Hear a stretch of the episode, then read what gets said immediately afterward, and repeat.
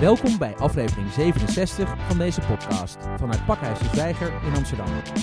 Mijn naam is Maurice Seleki, auteur, moderator, communicatiestrateeg en sinds november 2017 hoofdmarketing communicatie van Pakhuis de Zwijger. Binnenkort verlaat ik deze post om in dienst te treden als hoofd communicatie en marketing en lid van het managementteam van het Amsterdam Museum, het officiële stadsmuseum van de stad Amsterdam.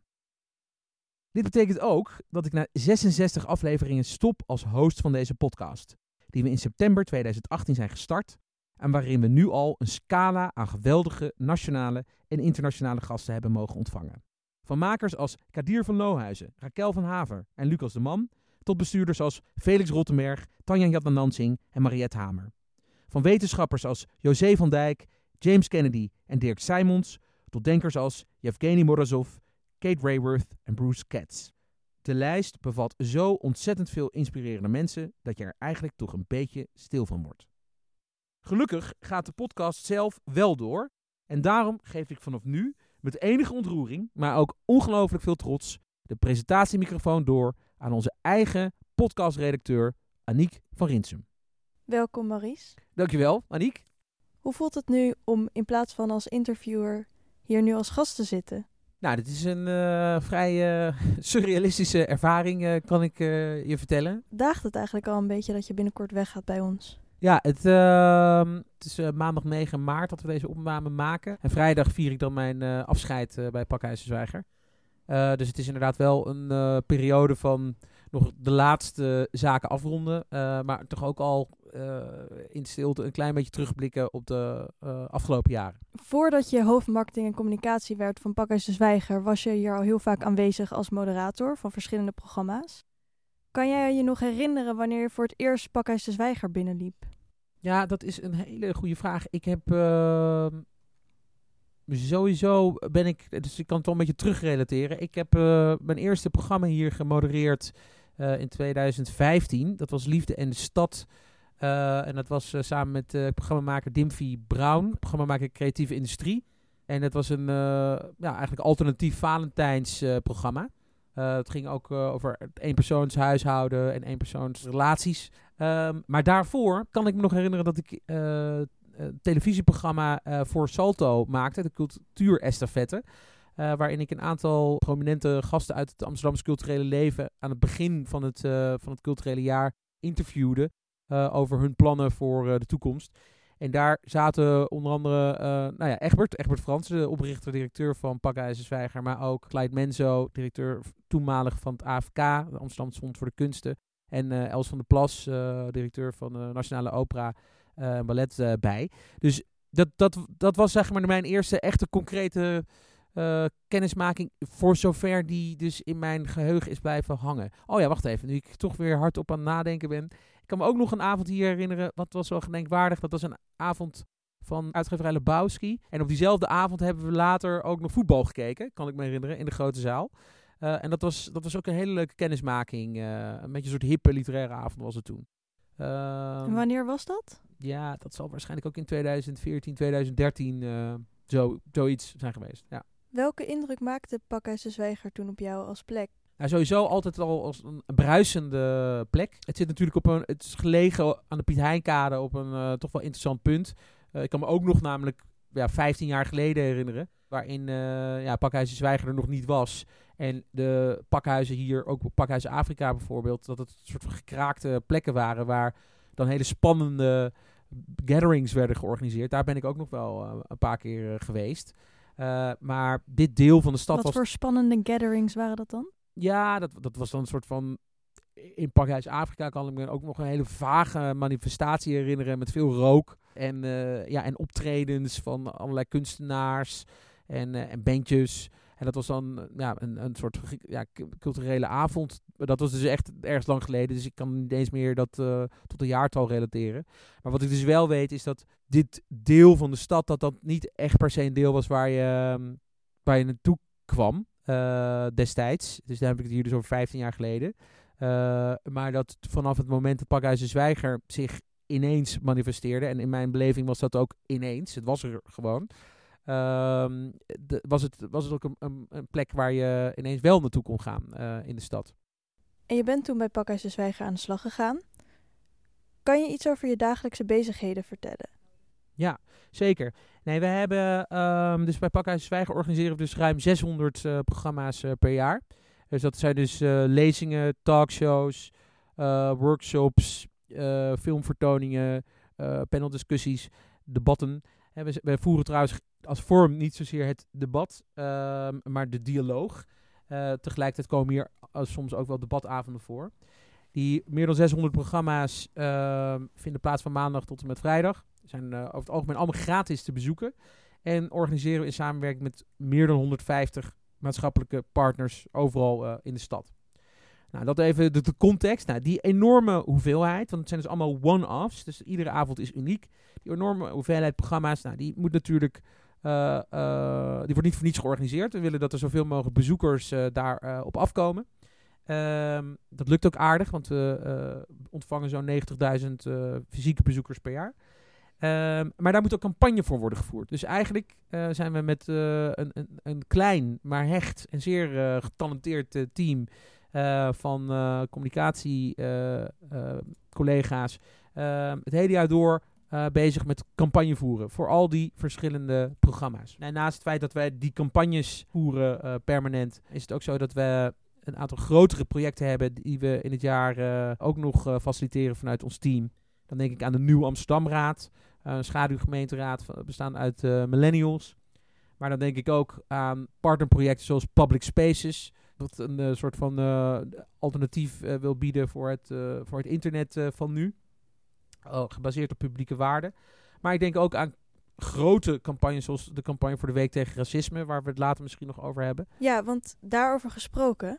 We organiseren dit jaar de tweede editie, die plaats zal vinden van 16 tot en met 21 maart.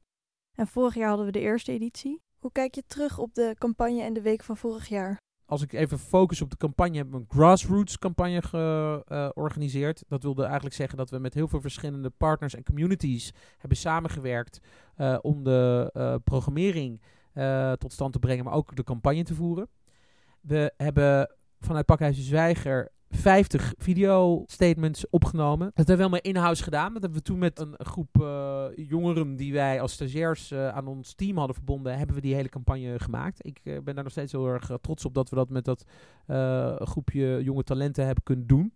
want de meeste culturele organisaties hebben ja, relatief weinig marketingbudget. Hè. Dat komt ook door de cultuurbezuinigingen. En nou ja, Pakhuis hoort daar ook bij.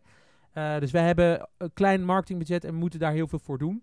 Nou ja, mijn motto is eigenlijk uh, altijd geweest: uh, in de beschenking zeikte die meester. Als het op dit soort punten aankomt. Dat is een quote van Goethe. En dat uh, komt er eigenlijk op neer: in de beperking toont zich de meester. Juist doordat we weinig geld hadden, moet je gewoon creatiever omgaan met je budget of met je capaciteit. En het smaakt ook naar meer. Dus dit jaar ja, gaan we het weer doen, editie 2. En wat hoop je voor de Week tegen Racisme 2020? Het is eigenlijk een multimediale um, deep content strategie geworden. Dus we hebben eigenlijk uh, drie mini-docu's gemaakt van acht minuten uh, ongeveer. Dat hebben onze collega's uh, Guusje Meeuwissen en Jelle Baars gemaakt. Het zijn drie hele mooie portretten geworden. van de activisten Raki Ab, Naomi Pieter en Abdul Menebi. Daarnaast hebben we drie televisieprogramma's gemaakt van 60 minuten. dat hebben we gedaan met onze mediapartner Salto. En daarin hebben we de thema's taal, activisme en media besproken. Met Seada Noorhusen, hoofdredacteur van One World. Uh, Enes Audaci, zakelijk directeur van Nieuwe Wij. Meneer Samuel, publicist. Uh, Marjan Saks, burgerrechtenactivist. En in die televisieprogramma's gaan we echt de diepte in. Dus echt een uur lang praten. Nou, je ziet dat nergens meer. Je hoort het ook bijna nergens meer. En we hebben ook nog een podcast gemaakt met de jonge Abdul Hafizkan, uh, oprichter van Easy Solutions. ook een heel mooi gesprek geworden. dat was de vorige aflevering. We hebben radiocommercials gemaakt, we hebben een trailer gemaakt. Nou ja, eigenlijk we zijn helemaal losgegaan. En daarmee proberen we eigenlijk het gesprek over alledaagse vormen van discriminatie en racisme, nog voordat die week plaatsvindt, al online en offline uh, plaats laten vinden. Zodat mensen ook getriggerd raken om naar die week toe te komen. En hoe lukt het jou om zo groot te blijven denken? Want je zegt de meester zit hem in juist die beperkte middelen. Maar jij trekt het wel heel, zeg maar, het is, groter kan bijna niet. Nou ja, de- inderdaad. Ik ben zelf altijd wel vrij ambitieus geweest. Maar ik denk dat eh, dat, dat, dat ook voor Pakhuis geldt. En die ambitie die komt denk ik voort eh, ook uit een urgentie. Want er zijn gewoon een aantal hele grote systeemveranderingen. Eh, bijvoorbeeld de klimaatcrisis. Maar ook de toenemende sociaal-economische ongelijkheid. Het het, het vraagstuk toch eh, wat ontstaat door verschillende bevolkingsgroepen die naast elkaar moeten leven in een globaliserende samenleving. Zo'n klimaatcrisis is niet alleen maar op te lossen door een overheid of door de wetenschap of door het bedrijfsleven. Daar moet iedereen eh, in gaan samenwerken. En hetzelfde geldt voor zo'n sociaal-economische ongelijkheidsvraagstuk of eh, een integratie, globalisering, migratievraagstuk. Ehm, dat kan niet door één stakeholdergroep, één belangengroep in een samenleving worden opgelost. Dus we hebben al onze creativiteit, al onze inventiviteit, al onze eh, eh, inspiratie en eh, hebben we nodig om dat samen te doen. En ik denk dat het uniek is voor Bakhuis en Zwijger dat wij in onze programmering live hier in dit huis of in onze dependance New Metropolis Nieuw-West of in onze dependance in Zuidoost, dat wij allerlei verschillende mensen bij elkaar brengen met allerlei verschillende achtergronden en expertises. Mensen die iets willen oplossen.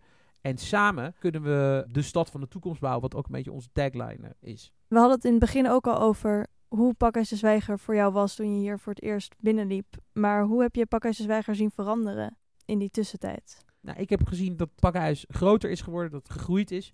Maar eigenlijk ook dat eh, het draagvlak eh, lijkt ook heel erg te groeien. Mensen hebben behoefte in tijden van digitalisering, in tijden van polarisering, in tijden van verhitte gesprekken op social media, om fysiek weer offline bij elkaar te komen in een zaal, in een zaaltje, om met elkaar in gesprek te gaan over belangrijke onderwerpen. Je noemde net al het woord millennials. En je hebt het in deze podcast ook heel vaak over millennials gehad. Maar ook over vintage millennials en zelfs over zillennials. Dus zou je misschien nog één keer voor al onze luisteraars kunnen uitleggen... wat zijn al deze verschillende generatie aanduidingen? Nou ja, inderdaad, die millennials, nog één keer 1980, 2000. Maar die dertigers zeg maar van nu, die noem ik dus de vintage millennials. Dat zijn dus die mensen die in de jaren 80 zijn geboren. Die min of meer dezelfde problematiek en ervaringen hebben eh, als die twintigers van nu. Wel met een aantal belangrijke verschillen. Die vintage millennials die zijn geboren nog in het analoge tijdperk. Dus in de periode van het cassettebandje, de telefooncel, eh, de videorecorder voor het internet. Terwijl die millennials, die dus wat later zijn geboren in de jaren 90, die hebben eigenlijk toch al veel van deze dingen min of meer als vanzelfsprekend eh, ervaren. Maar, en daar komt de zillennial in het eh, spel, dat is dus de generatie die vanaf 2000 is geboren. Generatie Z. Overigens, zillennial, ik gebruik het zelf. En ik, ik heb het nog niet heel veel uh, door andere mensen uh, gebruikt uh, horen worden. Dus ik heb een beetje gecoind, zou je kunnen zeggen. Dat zijn dus, ja, dus de tieners van nu, maar ook de nog jongere mensen. Die eigenlijk gewoon in het internet-tijdperk, in het smartphone-tijdperk, zoals we dat nu kennen, zijn geboren. En wel echt significant weer uh, verschillen van die millennial-generatie. En wat fascineert je aan deze generaties en de issues waarmee zij te maken krijgen? Millennials die uh, nu 20 en 30 zijn, die hebben echt andere belangen als het gaat over de, hun pensioen, uh, over hun woningmarkt, over hun banenmarkt. Maar ook over bijvoorbeeld de kosten van de zorg. Want zij zullen die kosten moeten gaan dragen. Dit heeft dus direct effect ook op, nou, op de verkiezingen van de komende tijd. Je ziet overigens, daarmee bevestig ik ook weer de invloed en ook het belang van in dit generatiedenken toch een klein beetje meegaan. Als je kijkt naar de verkiezingsresultaten in Amerika toen Donald Trump werd gekozen, maar ook de Brexit-resultaten. Millennials hebben ofwel anders gestemd of ze hebben niet gestemd. Maar uh, de verschillen tussen hun stemgedrag en het stemgedrag van andere generaties was vrij significant. Veel millennials wilden bijvoorbeeld in de EU blijven, uh, waren dus tegen de Brexit. Maar een oudere generatie heeft voor de Brexit gestemd, waardoor de millennials die Gewend zijn aan open grenzen en overal kunnen werken, straks met de gebakken peren zitten en dus uh, in een Verenigd Koninkrijk zitten, wat in feite weer teruggebracht is naar de periode uh, voor hun geboorte. Ja, je hebt het nu over belangen, verkiezingen, beleid. En wat ik jou ook vaak heb horen vragen aan mensen in deze podcast is of zij politieke ambities hebben. En nu komt de vraag bij mij op: Heb je eigenlijk zelf wel eens gedacht aan een politieke carrière? Nou, goede vraag. Ehm, eerlijk gezegd ja. Ik heb er zeker over nagedacht. Al van jongs af aan. Ik, ik heb het altijd gezien. Kijk, ik heb mezelf vrij bevoorrecht gevonden. Omdat ik uit uh, een, een, een, een, gezin kom waarin uh, mijn beide ouders als eerste van hun families uh, konden gaan studeren. Of hadden gestudeerd. Waardoor het voor mijn broertje en mijzelf makkelijker was om ook te gaan studeren. En mijn vader is half Molux, half Javaans. Is in Indonesië geboren en uh, is hier opgegroeid in uh, nou, Molukse woonoord. Dus die heeft eigenlijk echt een hele andere jeugd gehad en die heeft zichzelf eigenlijk opgewerkt. Uh, wat ik altijd ongelooflijk bewonderd heb. Mijn moeder komt van Curaçao en is op haar 17 naar Nederland gekomen om ook als eerste van haar familie te gaan studeren. school voor journalistiek heeft zij gedaan. En ze is mijn vader hier tegengekomen en mijn broertje en ik hebben eigenlijk dus van die verschillende culturen van alles meegekregen. Maar ook het beetje het voorbeeld dat je, uh, nou ja, dat je dus moest studeren, je best moest doen, hard moest werken om te integreren in de Nederlandse samenleving. Maar bij mij was dus ook de realisatie dat dat niet een soort van zelfsprekendheid is. dat het gewoon, dat ik heel veel geluk heb gehad, zeg maar, dat mijn ouders alle twee hebben gestudeerd. En dat ook net zo goed niet had, zo had kunnen zijn. En dan was ik ook in, een hele andere situatie terechtgekomen. Nou vanuit dat idee dat je dus uh, het, uh, nou, ik noem nogmaals weer eens even uh, geprivilegeerd, bevoorrecht bent, vind ik eigenlijk ook dat er verantwoordelijkheid ontstaat om ook iets terug te doen voor andere mensen die wellicht niet dezelfde kansen hebben gehad als jij. Dat heb ik eigenlijk altijd soort van, niemand heeft me dit uitgelegd of zo, maar dit heb ik gevonden, een soort logisch ding. Nou ja, en je kan natuurlijk op heel veel verschillende domeinen, op verschillende niveaus iets terugdoen voor de samenleving, waar je veel aan te danken hebt. En ik denk echt, in Nederland hebben wij het ongelooflijk goed. Uh, ondanks al het geklaag en al het Twitter. Maar we hebben het ongelooflijk goed. We zijn nog nooit zo welvarend geweest in onze geschiedenis. Dus laat dat voorop staan.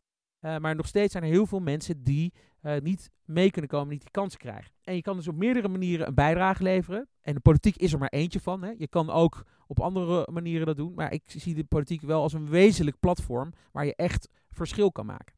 Maar daar komt het hele uh, eieren eten. Ik heb ook altijd vrij principieel gevonden dat je.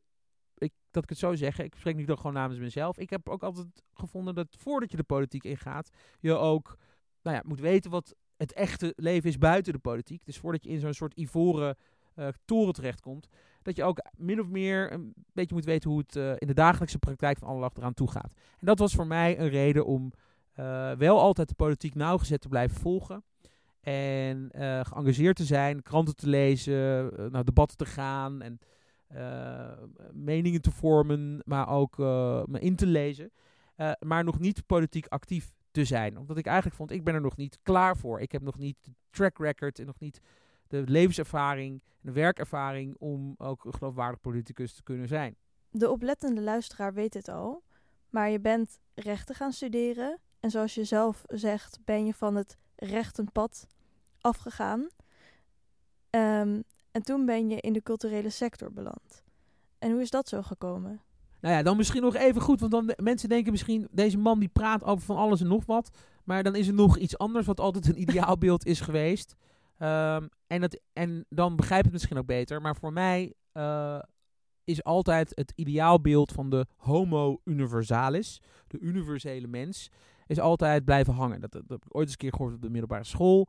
Maar dat was een ideaal uit de renaissance tijd, uh, waarin er werd gestreefd door mensen om zo breed mogelijk in allerlei verschillende, hè, dus universeel, je te ontwikkelen.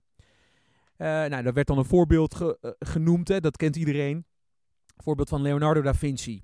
Een kunstenaar die ook ingenieur is en die, die, die, die op weet je, muziek heeft gemaakt, op allerlei mogelijke manieren zich ontwikkelt. Nou, toen ik dat voor het eerst hoorde, dacht ik, oh ja, dat wil ik ook, een homo universalis worden.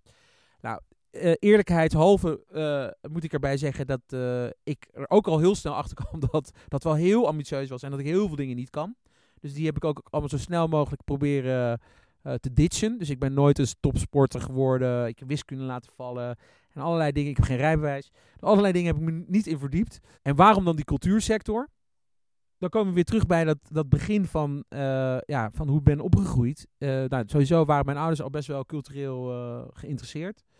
Maar ik zie ook samen met onderwijs cultuur als de gemeenschappelijke uh, plekken waar, waar mensen samenkomen, maar waar mensen ook um, zichzelf kunnen verrijken en zichzelf kunnen ontwikkelen. Kijk, op sport heb je bijvoorbeeld ook nog, dat is ook nog echt een domein waar mensen samenkomen. Maar dat is toch een soort andere ontwikkeling. Onderwijs en cultuur kunnen mensen echt op een wezenlijke manier uh, uh, ja, in aanraking laten komen met de ander. Daar gaat het eigenlijk altijd om.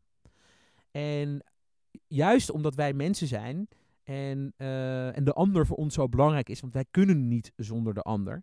Alle mensen die, die denken dat is de ander, in feite kijk je eigenlijk alleen maar naar een andere dimensie van jezelf. Weet je? Het is een ander aspect van jezelf. Wij mensen zijn eigenlijk echt we're one, one blood, weet je, one love. Dat, dat, is, dat is er maar één. Maar in cultuur uh, leer je dat dus ook uh, kennen. Daar kom je er dus achter dat die gevoelens die in de boeken staan, dat dat eigenlijk allemaal universele gevoelens zijn. Dat iedereen verliefd wordt, dat iedereen eenzaam is, dat iedereen uh, zich afvraagt waarom hij hier op aarde is. Uh, en daarom vind ik cultuur dus uh, ongelooflijk uh, belangrijk als domein om dat ook te versterken. Nou, en dat doe ik dan op de manier zoals ik, nou, met alles wat ik in me heb. Maar ik had misschien ook wel voor de klas kunnen staan. Ja, precies. Je had heel veel kunnen doen. Maar je bent geen sporter geworden. Maar je bent wel weer expert als het gaat om life hacks. Je hebt namelijk de manier gevonden om met een kantoorbaan alsnog fit te blijven. Zou je misschien deze lifehack met onze luisteraars willen delen? Om daarop antwoord te geven. Nou ja, goed, kijk. Uh, ik, heb, ik heb gewoon voor mezelf een aantal. En die adviseer ik aan andere mensen. Een aantal dingetjes probeer ik in te bouwen. Uh, zeg maar, good habits. Om, om inderdaad, zoals je zoveel tijd doorbrengt op een kantoor, een beetje in vorm te blijven. Nou, wij hebben hier op het pakhuis zitten we op de zesde verdieping. Uh, en de, ja, er zijn eigenlijk twee mogelijkheden om hier naar boven te komen. Je kan of met de trap, uh, of je kan met de lift. En nou, wat ik dan zelf eigenlijk nu toch best wel consequent volhoud, is om met de trap te gaan. Want dat is een kleine berg die je iedere dag beklimt. En nou, het scheelt toch weer. Het is goed voor je benen, het is goed voor je hart. Ehm, goed voor je ademhaling. Nou, dat geef ik ook aan iedereen mee. Um, tegelijkertijd weet je, probeer ik dan ook altijd langs de receptie te lopen hier. Om ook de receptionist even recht in de ogen te kunnen kijken. Want je kan ook nog via de zijingang en een beetje een soort gepand insneaken. Maar ik, ik, probeer daar eigenlijk altijd een soort van gewoonte van te maken om langs de receptionist te lopen. Wie dat dan ook is. Ja, uh, ik probeer ook altijd een grapefruit te eten iedere dag. En een koude douche, uh, koud afdouchen. Uh, dus dat zijn een paar van die kleine dingen. Maar ik zou eigenlijk nog veel meer moeten doen en kunnen doen. Uh, hardlopen drie keer in de week en zo. Maar uh, dat, dat is dan nog wel even een uitdaging. En kiwis eten als je ziek bent. Oh ja, en kiwis eten als je ziek bent, ja. Maries, je had het al eerder over uh, verhalen en hoe belangrijk die zijn. En wat is een verhaal wat jij in Pakhuis de Zwijger hebt gehoord... ofwel als moderator of als deelnemer van een programma... of misschien gewoon buiten een programma om... wat jou persoonlijk heel erg heeft geraakt? Ik heb één programma mogen modereren en dat ging over suïcide. Over zelfmoord. Uh, dat was ook naar aanleiding van een do docu. Die is gemaakt door een filmmaker. Uh, wiens zusje, in het hoofd van mijn zusje heette die film.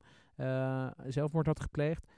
En nou, die hele avond was sowieso uh, ongelooflijk waardevol. En ik weet nog. En dat is dan. Ja, het is inderdaad best wel een ding.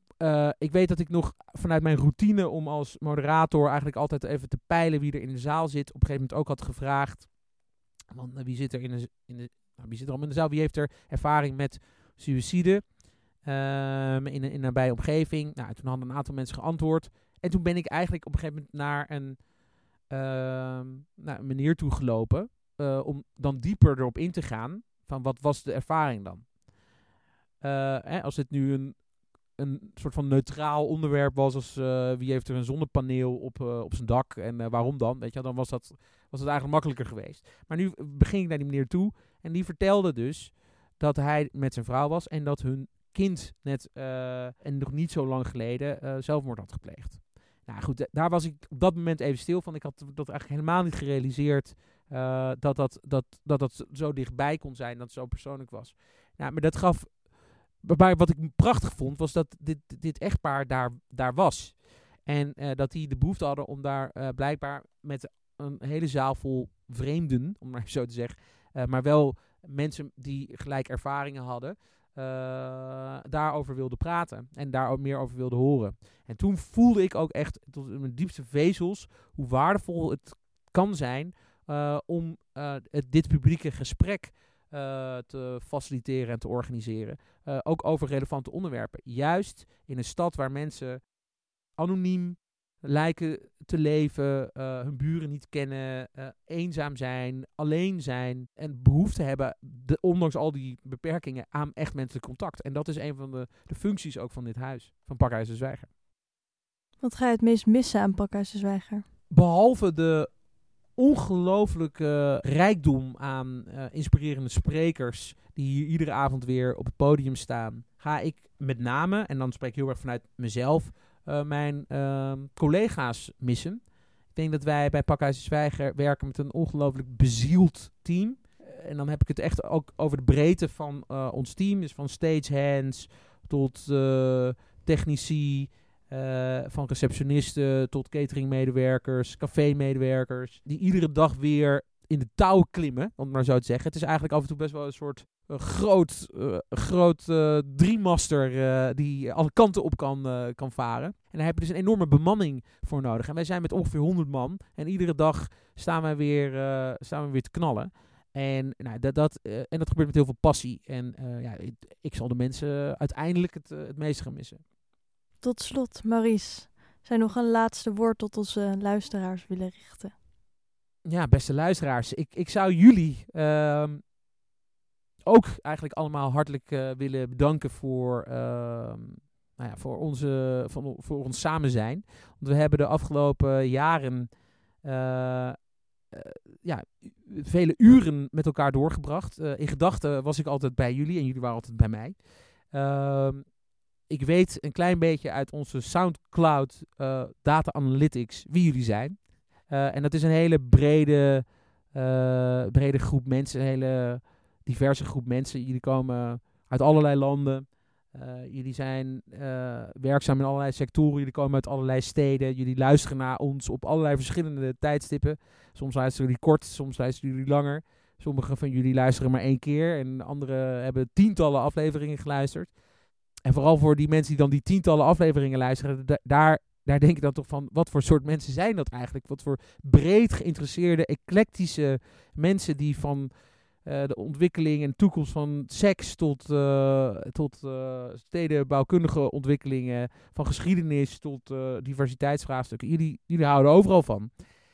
Nou, voor jullie hebben we het gemaakt. En ik ben heel erg blij dat, omdat jullie met zoveel zijn, ehm, deze podcast er nog steeds is. Dat die ook nu doorgaat.